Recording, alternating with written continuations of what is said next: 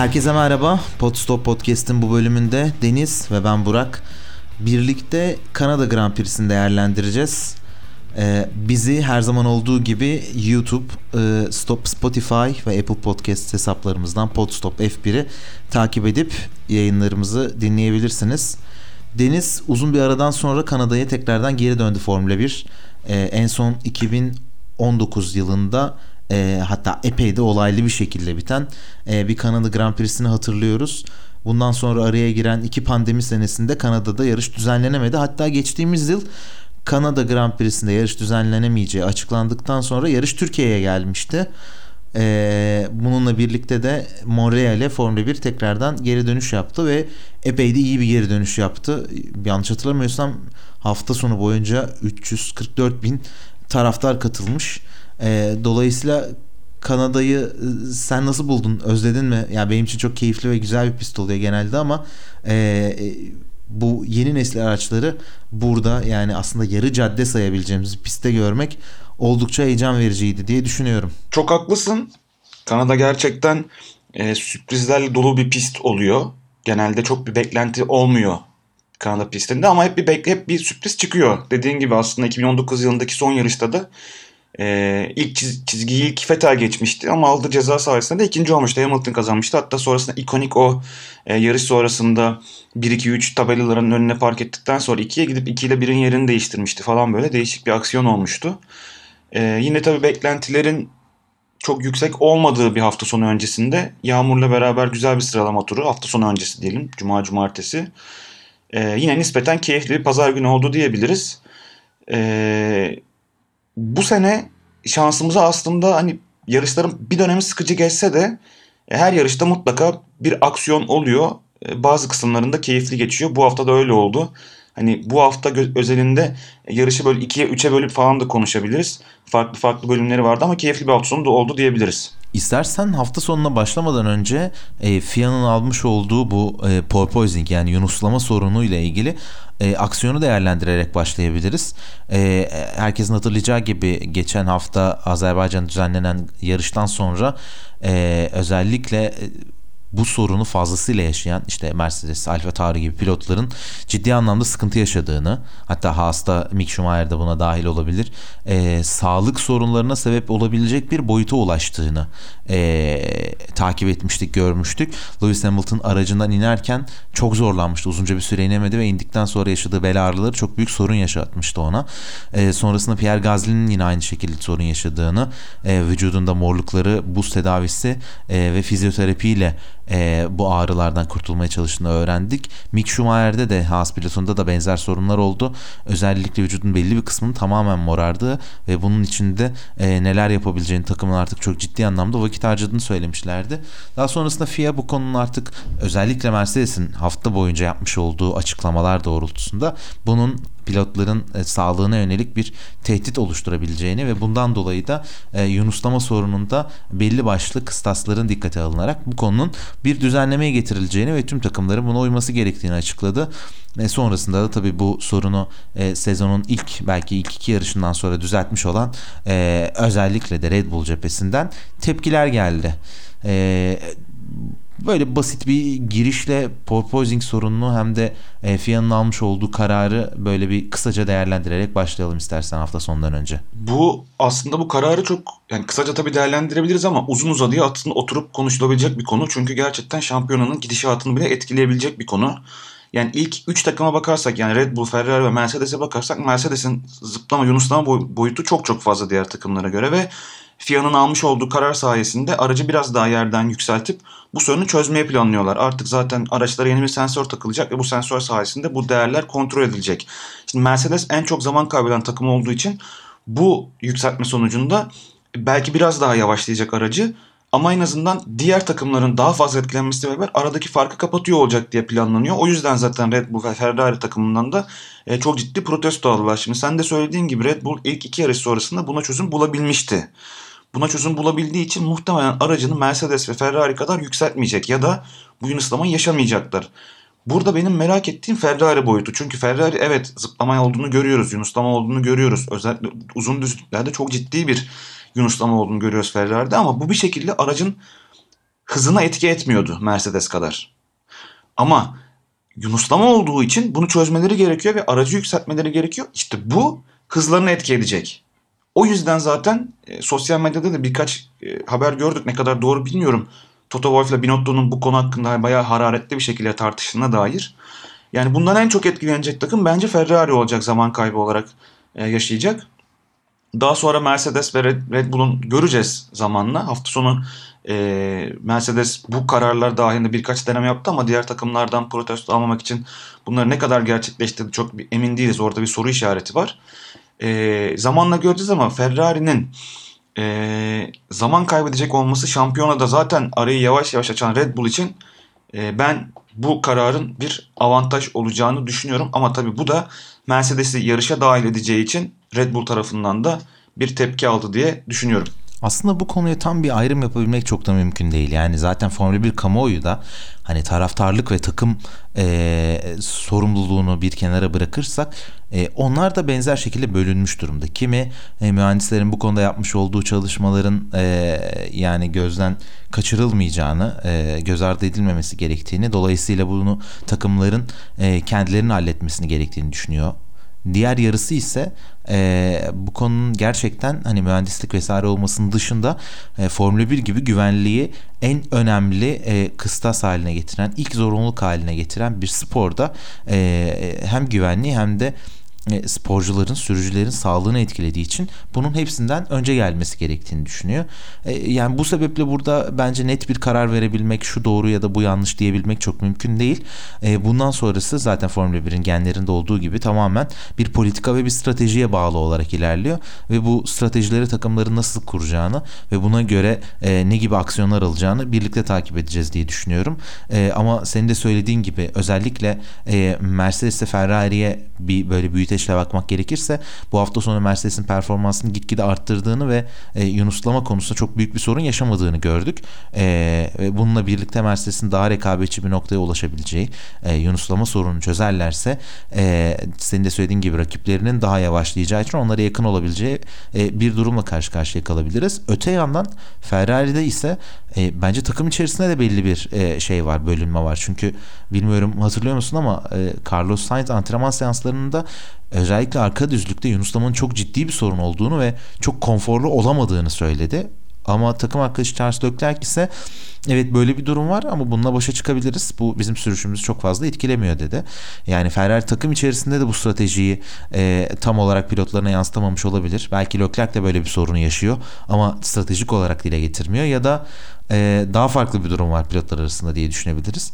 E, dolayısıyla e, her sene farklı farklı çıkan gündem maddeleri işte e, DAS bir ara sezona damgasını vurmuştu. Daha önceki sezonlarda farklı şeyler olmuştu. Bu sene de bu yunuslama sorunu e, oldukça kritik bir nokta olacak. Ama benim aklıma gelen şey şu oluyor hep bu tarz durumlarda. Şimdi yeni bir döneme geçildi bu araçlarla birlikte ve bu araçlara geçildikten sonra başlangıç ve bitiş dönemleri sonrasında yani sonlarına doğru yaklaştığımızda çok büyük farklar e, ortaya çıkıyor. Eminim birkaç sene sonra Formula 1'i konuştuğumuz zaman ya bu araçlarda ilk geçildiğinde böyle yunuslama gibi gerçekten hani e, komik sayılabilecek bir sorun vardı e, diye düşüneceğimizden eminim. E, ama bu sezon içerisinde de bu tartışmalar kolay kolay bitecek gibi de görünmüyor e, diyelim ve istersen buna birlikte hafta sonunu birazcık değerlendirmeye başlayalım. Sıralama turları oldukça farklı geçti desek yeridir herhalde. Çünkü tüm hafta beklenen yağış sıralamalarla birlikte e, etkisini epey bir arttırdı. Daha doğrusu 3. antrenman seansında ilk etkisini göstermeye başladı. Sıralamalar ıslak zeminde yapıldı e, ve bununla birlikte de pilotların performansı oldukça farklılaşmaya başladı. E, son antrenman seansında e, tecrübeli pilotlar Vettel, Alonso, e, Verstappen, Lewis Hamilton gibi gibi isimler e, ıslak zemindeki sürüş becerilerini mümkün olunca yansıtmaya çalıştılar. Verstappen birazcık daha daha farklı e, noktalara odaklanmaya başladı ama diğer isimlerden epey iyi e, dereceler görmüştük. Sıralamaları geldiğimizde de beklentiler açıkçası birazcık buna göre oluşmuştu. Ee, ama yani konuşabilecek çok şey var sanırım. Ben hani konu başlığı olarak sana paylaşayım. Sen istediğin yerden başla. Alonso'nun ikinciliği. E, Haas'ların e, yani yıllar sonra en iyi sıralama derecesi alıp 5 ve 6. sırada 3. çizgiyi kapatmaları. Ee, bunun haricinde Alfa Romeo'ların 10-11 olması, Joe'nun Bottas'ı geçmesi, ee, Perez'in Q2'de elenmesi yaşamış olduğu sorun yine Norris benzer bir şekilde ilerliyordu. Çok iyi başlayan Sebastian Vettel'in Q1'de elenmesi derken herhalde birçok konu başlığı çıkar. Ama genel anlamda bir sıralama değerlendirmesi yapmak herhalde daha sağlıklı olur diye düşünüyorum. Bu sene biz birçok yağmur altında yarış izlemiştik ama yağmur altında izlediğimiz ilk sıralama turuydu yanlış hatırlamıyorsam bu hafta sonu ve gerçekten sıralama turlarının yağmur altında nasıl olacağını ben çok merak ediyordum ve çok keyifli geçti gerçekten. Ee, yavaş yavaş kuruyan pist, pilotların stratejileri, takımların lastik seçimleri gibi konular gerçekten aslında bu hafta sonu özelinde sıralama turlarına damga vurdu diyebiliriz. E, sen zaten hepsini çok kısa kısa özetledin. Bunların altına çok çok uzun özetler yapılabilir ama e, baktığımızda e, eski iki dünya şampiyonu Alonso ve Vettel'in antrenman seanslarında ve sıralama turlarındaki aslında performansları çok keyifliydi ama Vettel'in tabii çok ufak bir çok ufak değil tabii ona çok ciddi bir e, sıralamaya mal oldu. E, arka lastiklerindeki e, basınç kaybından dolayı e, çok güzel e, şey yaşattılar bize. E, eski şampiyonlar yani biz buradayız. Yağmur olduğunda ve pist eşitlendiğinde araçların çok etkisi olmadığında bakın biz de bunları gösterebiliyoruz da bize hatırlattılar ve güzel bir şekilde izlettiler. Onun haricinde e, beklenen şeylerde aslında Leclerc'in e, motor ünitesi değişiklikle beraber gridin arkasında başlayacak için çok rekabetçi olmadan e, sıralama turlarına geçmiş olması. E, sadece tabi burada Russell'ın Q3'teki silik lastik denemesi çok e, onlara pahalıya patladı Russell özelinde en azından Q3'te. E, ama dediğim gibi keyifliydi. Hafta sonu özelinde e, cumartesi günü ve yarışın böyle belli kısımları çok keyifliydi. E, yağmur altında sıralama turlarını da özlemişiz sadece tek bir şeyi hatırlatmak istiyorum. Yani hatırlatmak değil de ne olurdu yani çok uzun uzadıya konuşmak çok doğru değil böyle e, retorik şeylerle ilgili ama Sainz'ın özellikle iyice artan performansıyla birlikte Q3'teki denemesinde ilk virajda yanlış hatırlamıyorsam ya da ikinci virajda e, böyle bir aracı kaybettiği bir, bir dönem vardı ve orada bir yani yarım saniyelik bir şeye mal olduğu bence net bir şekilde görünüyordu. E, bu birleşmiş olsa çünkü henüz daha turunun başında olduğu için turunun geri kalanını da çok etkileyeceğini düşünüyorum. Dolayısıyla orada ön tarafta bir e, şeyle rekabetle karşı karşıya kalabilirdik. Yine Alonso'da da benzer bir durum vardı. Özellikle son virajı alırken e, e, yani o şampiyonlar duvarının önünde ki girişi birazcık ona da zaman kaybına sebep olmuştu.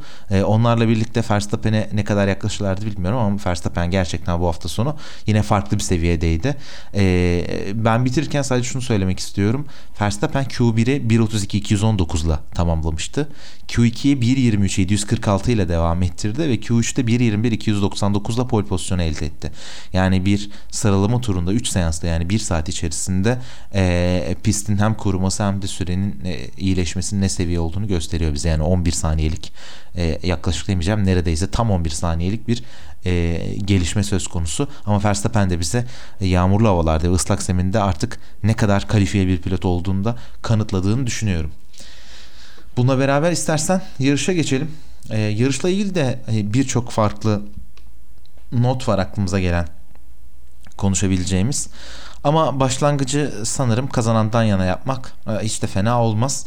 Ee, Red Bull bu hafta sonu Max Verstappen'le birlikte yarışın galibi oldu. Verstappen de Kanada'da ilk defa kazanmış oldu.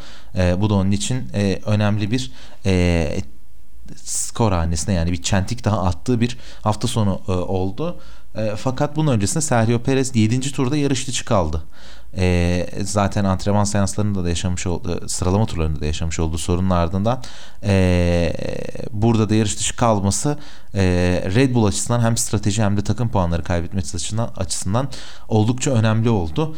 E, Perez e, bu durumla başa çıkabilmek için e, ne gibi aksiyonlar alacak? Bundan sonra takım e, bu noktada nasıl bir çalışma yapacak? E, çok emin değiliz ama e, o da yani 7 yarış üst üste puan alma serisine burada e, ara vermek durumunda kaldı. Çok motive ve iyi bir şekilde geldiği Monaco üstü e, Bakü'de iyi performans sergileyen Perez, yeni kontrat alan Perez e, bu yeni kontrat sonrasında ilk sorunla karşılaşmış oldu. E, Max Verstappen ise gerçekten yarışın sonlarına doğru Ferrari pilotu Carlos Sainz ile birlikte harika bir performans sergiledi. Son taraftaki birbirleriyle mücadelesini daha detaylı bir şekilde konuşuruz ama Verstappen'in bu yarış galibiyeti kariyerinin 26. yarış galibiyeti galibiyeti oldu ve Jim Clark ve Niki Lauda'yı geride bırakmış oldu e, ve tüm zamanların en çok galibiyet alan e, 9. E, yarış pilotu haline geldi. Henüz daha bu kadar genç yaşta e, bunu elde etmesi de e, gelecekte neler olabileceğine dair bize de bir e, fragman sunuyor diyebilirim.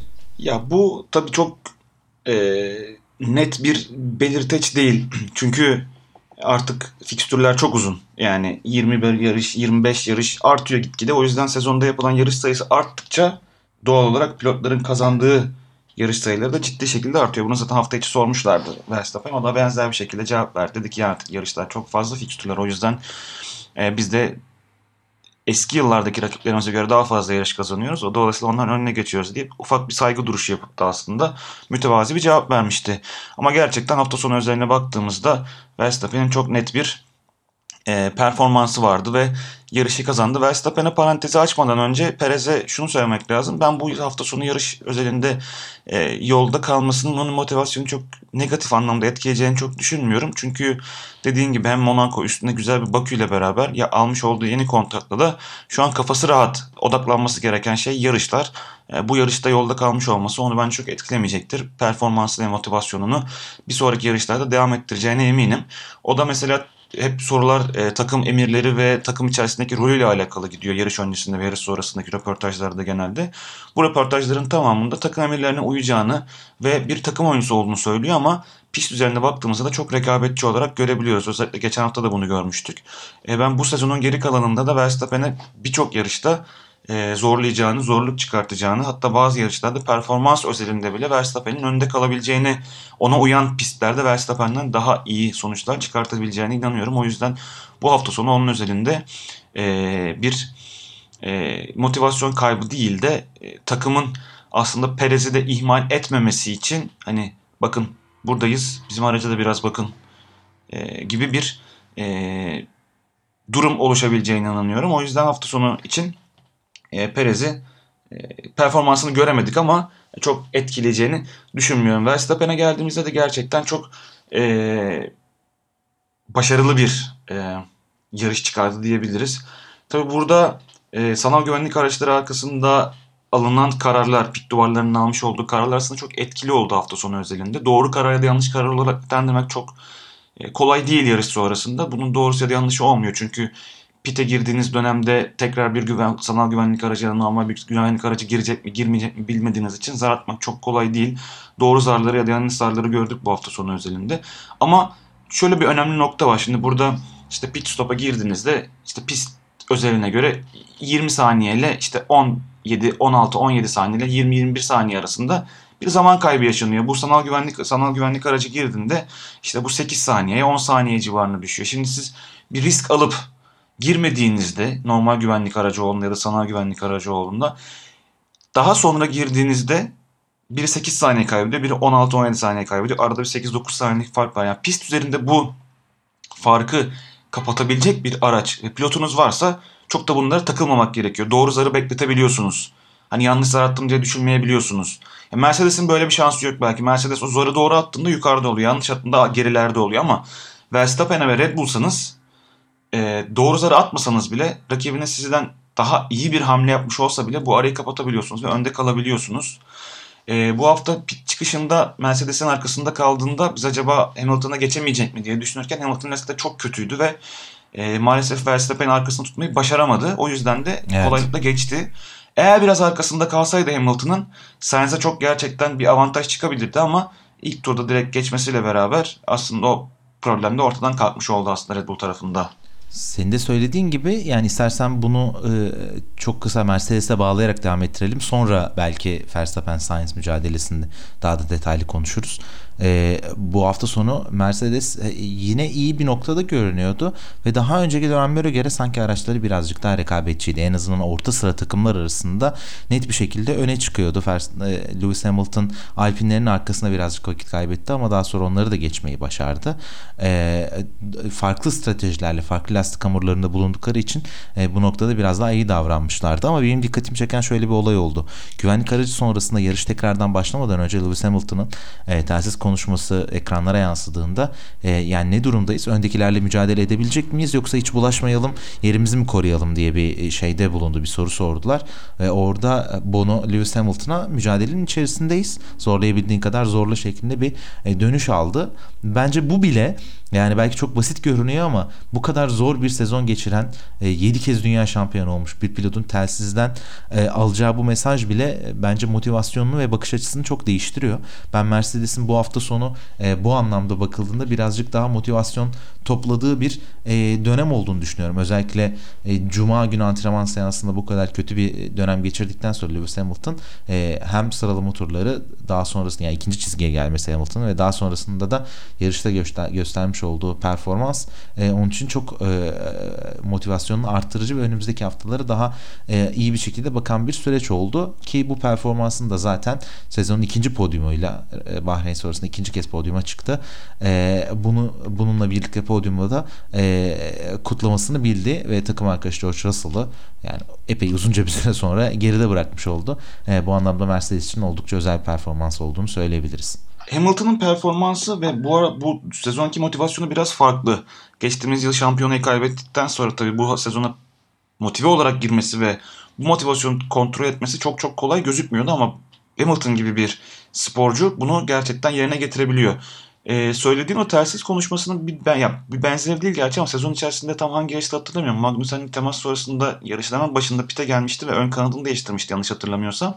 Sonrasında takıma hani ben olsam motoru saklardım. Hani acaba yarışmasak mı diye sormuştu. Takımdan da hayır yarıştayız başarabiliriz geldikten sonra gerçekten e, yarışa devam edip e, çok da iyi bitirdiğini hatırlıyorum. Hangi yarış olduğunu hatırlayamadım şu anda. İspanya olabilir ya yanlış ya olabilir olabilir yani. çok emin değilim e, ben de hatırlayamadım şu anda e, ama hani bu gibi soruları oluyor ve takım da onu e, her zaman aslında yarışın içerisinde olduğunu ve bu rekabete devam etmesi gerektiği konusunda e, ittiriyorlar. Hamilton da bunu yerine getiriyor. E, yani daha iyi bir hafta sonu olabilir miydi Mercedes için? Bence çok olamazdı. Çünkü dediğim gibi geriye kalanların en iyisi olarak gözüküyorlardı. Ben sadece Mercedes içerisinde iki pilotun rekabetini bütün sezon, sezon merak ediyordum. Acaba Russell'la Hamilton bir araya gelseler nasıl olur diye. Hatta yarışı izlerken de hep konuştuk. Ha işte arka arkaya geldiler. Acaba Russell bir evet. atak yapabilecek mi diye.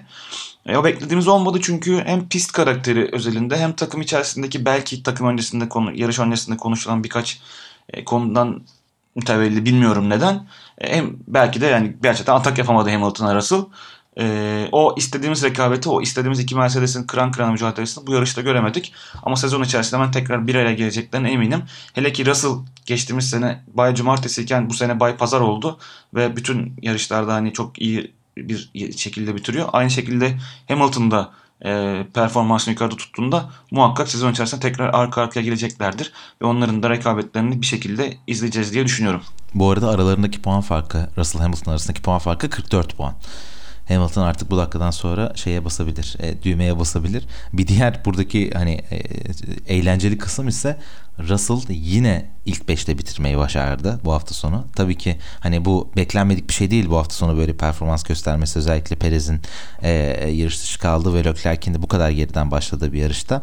E, ama yine de yani rekabetçi Alpinlere karşı e, bile ya da önde başlayan Haas'ların birden geriye döndü, e, geriye düştüğü senaryoda e, bu performans göstermesi e, yine de onun adına Bay Pazar olmasını kanıtlayan bir diğer etmen oldu e, diyelim ve buna beraber istersen Ferrari'ye geçelim. E, Ferrari'de yani konuşulacak yine birçok şey var. Ee, ama ben çok kısa önce Leclerc'in durumuyla başlayıp daha sonrasında Sainz ve Verstappen mücadelesiyle devam etmeyi daha doğru buluyorum. Leclerc bu hafta sonu özellikle geçtiğimiz haftada yaşadığı sorunlardan sonra e, önce antrenman seanslarına e, birkaç değişiklik yaparak başlamıştı parça değişimi. Sonrasında e, sıralama turlarına e, geldiğinde ise gelmeden önce birazcık geç bir karar aldılar. Bence hem bunu stratejik yaptılar rakiplerini de buna hazırlamamak için e, hem de kendileri de son dakikaya kadar bunu değerlendirmiş olabilirler ama e, birçok hani o e, belirli sayıda değiştirme imkanı olan komponenti değiştirdiler. MGUK, MGUH e, bunun haricinde e, e turboyu, elektrik kontrol, e, kontrol ünitesini ve içten yanmalı motoru e, tamamını değiştirmiş oldular ve her şeyde bir sıfır sete geçmiş oldular.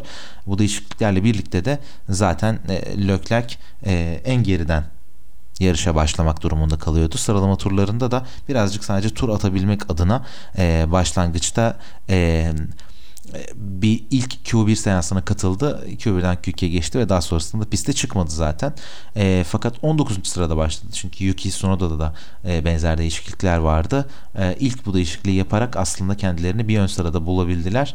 E, 19. sıradan başlamış olduğu yarışı e, iyi de bir performans sergileyerek sürekli tırmanarak tek pit stop stratejisiyle birlikte 5. sırada bitirdi. E, ben bu anlamda Leclerc'in bu hafta sonu e, bu kadar zor geçmesi beklenen bir e, e, yarışta olabilecek minimum hasarla e, bu hafta sonunu e, üstünü geçtiğini düşünüyorum. Hani ne olursa olsun e, oldukça etkileyici bir performans olmasına rağmen e, Max Verstappen'e bu hafta sonu 15 puan kaybetti. E, fakat burada da birkaç farklı durumla karşı karşıya kaldık. E, eminim sen de hatırlayacaksın yani hatta konuşmuştuk e, pit stopunu te, o tek pit stopunu yaparken e, takımın e, iyi bir performans sergileyememesi onu 4 kişilik bir konvoyun gerisinde bırakmış oldu. Yani daha hızlı bir pit olsaydı onların önünde olacaktı ve önü epey bir boş bir şekilde ilerleyip hızını daha rahat gösterebilecekti ki orta hamura geçmişti.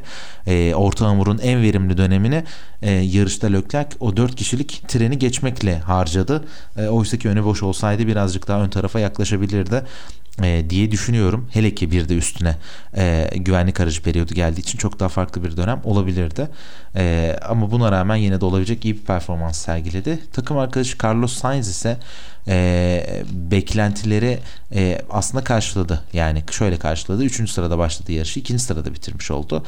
E, özellikle son e, turlarda yani yaklaşık 10 turluk bir süreçte Max Verstappen'e kurmuş olduğu baskı bence Verstappen'in e, pardon e, Sainz'ın Ferrari'deki bu olumsuz havasını değiştirebilmek açısından da çok önemli olduğunu düşünüyorum.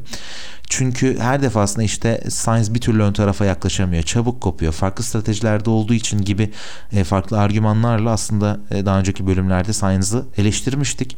E, bu sefer ise hem pit stop stratejileri süreleri farklıydı. Tabii benzer lastikler e, kullandılar Verstappen'le birlikte ama e, yine de 10 tur gibi uzunca bir sürede e, lider pilotu e, son dünya şampiyonu Verstappen'i böyle bir baskı altına almak ben çok değerliydi diye düşünüyorum. Eee sadece orada her iki takımın da yani araçların e, pist üzerinde kuvvetli olduğu sektörlerde büyük farkı yaratması e, bu noktada oldukça önemli bir detay oldu. E, Sainz de zaten son 10 tur boyunca yani bir tur iki tur zorlayıp daha sonrasında bataryalarını şarja alıyordu ve şarja almasına rağmen hatırlayan Deniz hiç DRS mesafesinden ayrılmadı. Belki sadece bir tur ya da bir sektörde falan ayrılmış olabilir. Sonra tekrardan yakaladı. E, dolayısıyla bu baskıyı yakalaması çok önemliydi ve ben Sainz'ın e, zaten hem yarış bittiğinde hem podyumda hem de diğer şeylerde çok da mutlu olmadığını gördüm. E, o da bunun gibi fırsatlar eline geldiğinde yani Leclerc, Perez gibi ya da Mercedes'in bu kadar geri kaldığı, geri kaldığı dönemde mutlaka ve mutlaka bir galibiyet CV'sine eklemesi gerektiğinin farkında olduğunu düşünüyorum. E, bunun için de o kırılan motivasyonunun tekrardan yerine gelmeye başladığını ben gördüm. Bakalım bunu e, sürdürülebilir kılabilecek mi? Önümüzdeki haftaki yarışlarda da benzer performansı sergileyebilecek mi? Şimdi sen çok güzel özetledin zaten Ferrari tarafını. Ben sadece iki pilotu için de ufak böyle yarışlarını özetleyip sana birkaç soru yönetmek istiyorum bununla ilgili. Şimdi Leclerc'in yarışı başladıktan sonra ee, dediğin gibi pit stopta bir sorun yaşadı ve yaklaşık 3-4 saniye kaybetti. O yaklaşık 4 kişilik trenin önünde kal- kalabilme ihtimali varken bu 4 kişilik trenin arkasında kaldı ve lastiğin önemli kısmını burada harcadı. Sonra zaten güvenlik aracı girdi. Son 10 turdu yanlış hatırlamıyorsam. Burada önünde iki tane Alpine pilotu vardı. Önce Sainz'ı arkasından da Ocon'u aynı hairpin'de geçti. Sonra Mercedes'lere yetişmeye çalıştı ama Mercedes'lere yetişemeyecekti ve Mercedes'lere geçemedi, geçemedi. Bu pit stop sonunda bir hata yaşamasaydı bu 4 kişilik ekibin önünde kalmış olsaydı Alpinleri daha önce geçip güvenlik aracı sonrasında Alpinler yerine Mercedesleri geçebilir miydi sence yoksa yine aynı şekilde Mercedeslerin arkasından bitirebilirdi yarışı Leclerc? Ben yani orada mutlaka mutlaka bir hamle yapabileceğini düşünüyorum açıkçası. Çünkü yani lastik hamuru farkı burada bence çok e, önemli olurdu. Yani oldu zaten. Daha da önemli oldu, olacağını da düşünüyorum. E, çünkü Leclerc o geçişler esnasında yani her ne kadar e, Mercedeslerden daha e, eski bir lastiği olsaydı. Çünkü Leclerc 41. turda pite girdi. Hamilton 44, Russell 45'te sert lastiği takmışlardı e, ikinci pitlerinde. E, daha taze bir sert lastikleri vardı ama Leclerc o orta hamurun performansını daha geç bir döneme bırakıp özellikle hareketli startta e, mutlaka ama mutlaka e, bir iki tur içerisinde onları da hamle yapabilecek bir noktaya geleceğini düşünüyorum. Geçtikten sonra Sainz'e çok yaklaşabilir miydi? Ondan emin değilim. Hatta pek ihtimal dahi de vermiyorum açıkçası. O yani Verstappen'le birlikte farklı bir tempo tutturmuşlardı zaten. Ee, ama mutlaka onları geçip podyum yapabilme im- imkanı olacağını düşünüyorum. En azından bir tanesini mutlaka geçerdi. Hani Hamilton'la mücadelesi o kadar kolay olacağını zannetmiyorum.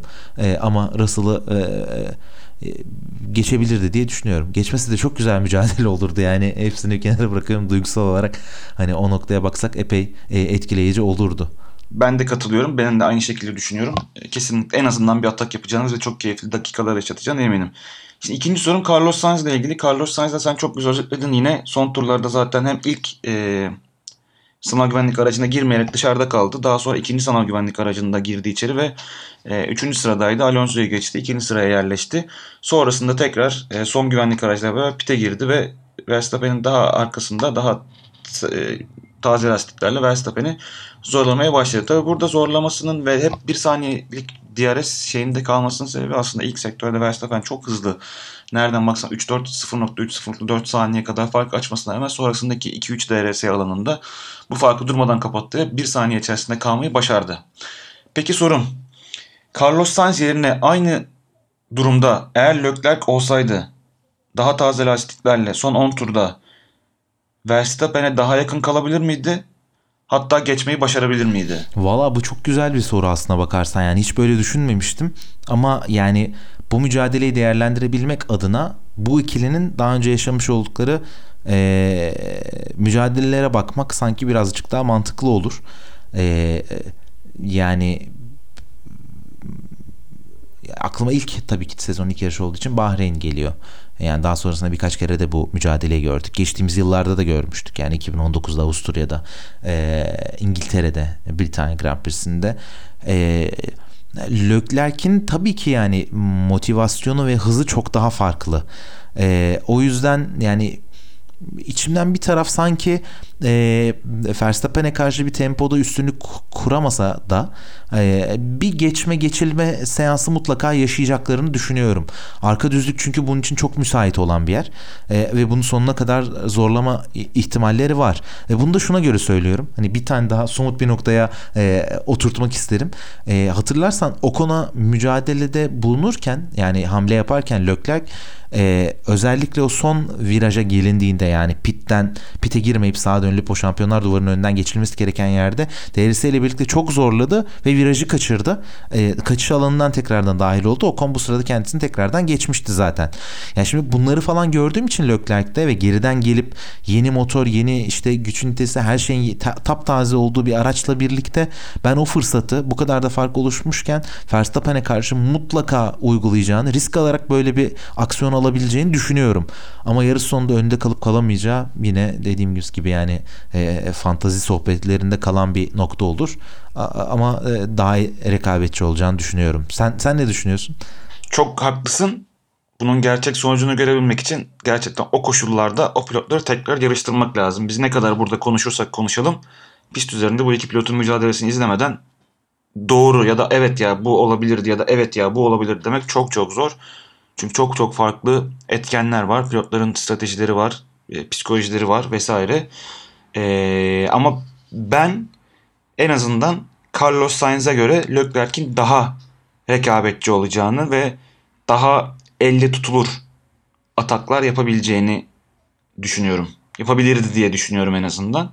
Çünkü e, iki Alpin pilotuna yapmış olduğu iki cömert atakla geçti ki bir tanesi dediğin gibi e, pisti kestiği için pozisyonunu vermesi gerekiyordu o. E, ben Sainz'dan daha rekabetçi olabileceğini düşünüyorum eğer öyle bir durum gerçekleşseydi. Ya bunlar birazcık şey var yani onunla birlikte bunu tamamlamış oluruz.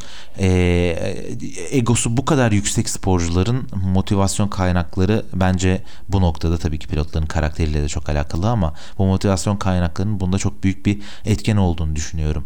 Yani ilk galibiyetini Ferrari'deki ve kariyerindeki ilk galibiyetini almak için yarışan Sainz'la e, yıllar sonra yani o çok arzuladığı uzun süre yani iki sezon çöpe atılarak neredeyse geçmiş diyebileceğimiz Leclerc'in şampiyonluk mücadelesinin içerisinde şampiyonadaki en kritik rakibin hatta şampiyona liderliğini kaybettiği rakibine karşı yapacağı atak arasında bence motivasyon olarak da bir fark var. Belki bundan kaynaklı da biz böyle düşünüyor olabiliriz. Ama tabii ki pilotların karakteri de bunda çok büyük bir önem arz ediyor diyelim.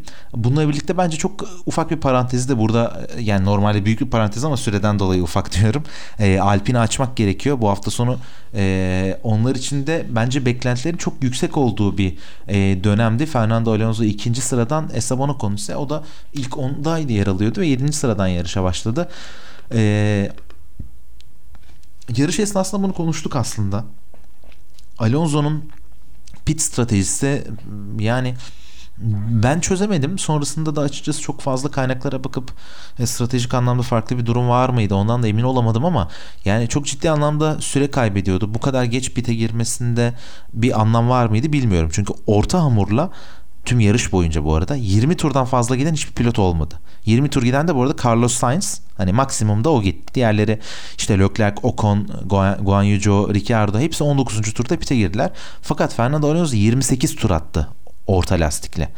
Eee Sonrasında da yani güvenlik aracı periyodunda 49. turda e, sert lastiklerden tekrardan ortaya geçip atak yapabilmek için kendine bir fırsat e, sağlamaya çalıştı.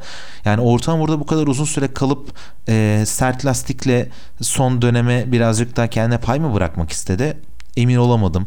Burası güvenlik aracının çok e, aslında girme ihtimalinin olduğu yıllarca bu tarz performansları izlediğimiz bir pist. Bunu dikkate almadan mı böyle bir şey yapmayı düşündüler?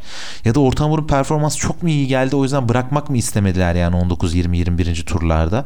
Yani hiç emin olamadım ama çok geç pite gelmesiyle birlikte zaten bence pist üstündeki önemli bir avantajını kaybetmiş oldu. E, dolayısıyla daha iyi bir yerde bitireceği yarışı yani belki 5. ya da 6. bitirebileceği bir yarışı 9. sırada bitirmiş oldu. Bu anlamda Fernando Alonso için hafta sonu kayıptı. Ama öte yandan takım arkadaşı e, Esteban Ocon ise e, yani sıralamalarda takım arkadaşı bu kadar iyi bir şekilde ilk sırayı elde ettiğinde 7. başlamak e, birazcık hayal kırıklığı olmuştu ama e, buna rağmen e, bu kadar üst sıralara tırmanması e, ve e, hatırlarsan Alonso ile birlikte e, yapmış oldukları bir şeyi vardı. E, bir destek olmuştu yani Valtteri Bottas'ı geçebilmesi için DRS mesafesinde kalması açısından e, yapmış olduğu taktik. Hem takım olarak yarışmasındaki e, önemli etkenlerden bir tanesiydi. Hem de takım arkadaşına sağlamış olduğu üstünlük e, açısından da e, önemli bir yer elde etti diye düşünüyorum. E, bu anlamda Esteban Ocon'un performansı e, her ne kadar alkış alınacak bir performans olsa da e, Fernando Alonso ise bu noktada negatif durumda e, yer aldı ve bu e, yarışı iyi bir noktada e, bitiremedi. Sadece ben araya bir böyle bir şey sokayım istiyorum yani. Nifak mı denir ne denir bilmiyorum onun tam karşılığı. Şimdi e, evet strateji çok e, sağlıklı işlemedi Alonso tarafında daha iyi bir strateji kurabilir miydi? Bilemiyorum. Ee, yarışın sonlarına doğru iki pilot arka arkaya geldiğinde Alonso arkada Ocon öndeyken atak yapılabilme konusu konuşulduğunda olduğumuz yerde kalalım dedi takım buna ve Alonso da ben ondan çok çok daha hızlıyım aslında. Neden hani şey yapamıyoruz, geçemiyoruz ya da yarışamıyoruz gibi bir sistemde bulundu. Yarış sonrasındaki açıklamalarında da aslında hani biz e, ben daha doğrusu e, 6. ve 7. daha iyi olmak için buradayım. Hani ve bu hafta sonu özelinde 6. ve 7. daha iyi olabilirdim diye düşünüyorum dedi. Eğer podyumda ya da 4. sırada bitemiyorsak bu aracın e, güvenilirlik problemiyle alakalıydı dedi. Hatta bunu söylerken de 14 numaralı araç biraz şanssızdı ve araç kontrol edilemiyordu. 14 numaralı aracın güvenilebilirliği daha iyi olmalıydı gibi. Hani aslında Ocon'un aracının kendi aracından daha güvenilir ya da daha iyi. Yani aslında takımın belki de Ocon'un aracına daha çok vakit ayırdığını bize orada adresledi. Yani e, Alpin tarafında da bu gibi e, strateji hataları hani belki Alonso'nun daha yaşlı olması, Ocon'un daha genç olması ve belki daha sonra devam edecekleri pilotun Ocon olmasından mı kaynaklı? Neden bilemiyorum tabii ki. Alonso'nun bu gibi e, demeçleri oldu ama gerçekten hafta sonunda daha doğru bir karar verilebilseydi ya da en başında söyledik yani bu hafta sonu özelinde zar atmanın önemi ya da işte doğru ya da yanlış tarafına bahsetmiştik. Bir tık daha doğru bir zar atabilseydi Alpin takımı Alonso için belki podyum belki dördüncülük e, gelebilirdi diye düşünüyorum ben. Çünkü bu sene e, Alpin aracı yine geçen sene olduğu gibi pist seçiyor aslında. Bazı pistlerde çok daha iyiler. E, bu pist özelinde Alonso'nun da savunmasının ne kadar kuvvetli olduğunu düşünürsek yukarıdan başlayan bir Alonso'nun doğru bir pit stop stratejisiyle ve daha güvenilir bir araçta e, podyum kesinlikle yapabileceğini düşünüyordum ben bu hafta sonu için. Şimdi o zaman Alpine'de bu şeyi konuştuk. E, iki pilot arasındaki olayı konuştuk. Bu hafta sonunu tamamlamadan önce yine iki pilotuyla beraber puan alan e, Alfa Romeo'yu çok hızlı bir şekilde e, konuşalım istiyorum. Sezon başında Alfa Romeo'nun Ferrari motoruyla beraber e, gerçekten performans çok yüksek başlamıştı. Özellikle Bottas'ın takıma katılması ve yeni çaylak pilotlarıyla beraber çok farklı bir e, durumdaydı Alfa Romeo ve birçok yarışta da üst sıralarda bitiriyorlardı. Sezon başladığında Guanyu aslında çok rekabetçi gözüküyordu Bottas'a. Sonra bir tık gerisinde kaldı ama bence bu hafta sonu, geçen haftayı çok dikkate alamıyoruz çünkü geçen hafta gerçekten Bakü'de Bottas'ın çok kullanılabileceği, kullanabileceği bir araç yoktu. Bunu da geçen haftaki şeyden sonra siz söylemiştiniz zaten. E, bu hafta Guanyu bence e, Bottas'tan daha iyi miydi bilmiyorum. Ama kesinlikle ona çok yakındı. Yani bir çaylak pilotun bu gibi tecrübeli bir pilota bu kadar yakın olması beni şaşırtıyor. E, ikisi de puan aldı. E, Alfa Romeo için güzel bir hafta sonuydu. E, sen ne düşünüyorsun? Yani Guanyu önümüzdeki dönemde e, Bottas'tan daha iyi performans sergileyecek yarışları olacak mı? Bu yarış üzerinde ne düşünüyorsun? E, ufak bir böyle Bottas Guanyu karşılaştırması yapabiliriz Alfa Romeo içinde. Yani diğer pilotlarla karşılaştıramıyoruz çünkü Formula 1'in öyle bir hassaslığı var. Yani iki farklı takımı karşılaştırmak çok kolay değil çünkü araçların performansları ve güvenilirliklerinden çok emin olamıyoruz ama hep konuştuğumuz bir şey var Formula 1'de. Aynı takım içerisindeki iki pilotu karşılaştırabiliyoruz diye. Hani bu özelde Guanyu ve Bottas'ı karşılaştırıp önümüzdeki haftalarda ne gibi durumlar bizi bekliyor diye düşünüyorsun? Burada bence şöyle bir durum var. Ee, yani Bottas sezona çok çok iyi başladı. Yani hiç kimsenin tahmin edemeyeceği, bekleyemeyeceği kadar iyi bir performansla karşı karşıya kaldı. Fakat daha sonrasında e, genel anlamda aslında kendi e, yapmış olduğu bireysel hataların dışında takımın e, araçla ilgili yaşadığı sorunlardan dolayı bu performansı birazcık sekteye uğramaya başladı. Belki onda da bir motivasyon olarak düşüş de kaynaklanmış olabilir. E, ama yine de çok e, kuvvetli ve çok sağlam bir şekilde girdi. Guan, Guan Yu ise e, birazcık daha farklı bir durumdaydı. Yani Kanada'ya geldiğinde 7 yarış üst üste hiç puan alamamıştı. E, ki yani birçoğunda da yarış dışı kaldı biliyorsun hem takımla ilgili yaşanan sorunlardan dolayı hem kendi hatalarından dolayı. Dolayısıyla o motivasyon olarak e, yine yani az önce Ferrari'de Sainz Leclerc arasında konuştuğumuz gibi farklı bir e, motivasyonla ondan sonra buraya dahil oldu. Şimdi sıralama seanslarına bakıyorum. Orada da aslında çok yakınlarda diyebileceğimiz bir durum yok ama Bottas istediği kadar pist üstünde süresini geliştiremedi. Bu anlamda bazı sorunlar yaşadı. O yüzden takım arkadaşı zaten Q3'e kaldı ilk defa e, e, kariyerinde ve e, bununla birlikte takım arkadaşından ayrıldı. Burada Q3'e kaldıktan sonra da pist üstünde de birkaç e, etkileyici geçiş izledik Guan Yu Zhou'dan. E, bence Joe için yani sezon başından bu zamana e, çok büyük bir e, elimizde veri olamadığı için yani ön tarafta yarışma ve rekabet konusunda bir şey olmadığı için değerlendirebilmek çok kolay değil. Ama şu açıdan e, bence değerlendirebilmek güzel ve doğru. E, takım arkadaşından hani hemen arkasında ya da hemen önünde e, bitirebiliyor olması bu yarışı e, olması gerektiği yerde bitirdiğini bence e, gösteren önemli etkenlerden bir tanesi. Ki bu arada biz artık hani herkes biliyor diye aslında buraya değinmedik fakat Fernando Alonso normal şartlar altında e, yarışı 7. sırada bitirmişti. E, fakat frenleme esnasında birkaç kez zikzak çizdiği için yarış sonunda 5 saniyelik bir ceza aldı ve 9. sıraya düşmüş oldu. Dolayısıyla Alfa Romeo'lar 7 ve 8 olarak tamamlamış oldular yarışı. E, o yüzden e, bu anlamda bakıldığında pist üstünde olmasa da sonrasında elde etmiş olduğu 8. ve 4 puan e, Joe için e, önemli bir performanstı e, diye düşünüyorum. E, bununla birlikte iki hafta üst üste Azerbaycan ve Kanada Grand Prix'lerini e, epey de uzak destinasyonlarda bulunan iki Grand Prix'yi e, oldukça keyifli bir şekilde takip edebildik ve sizlere yorumladık. Bundan sonra bir haftalık bir ara veriyoruz.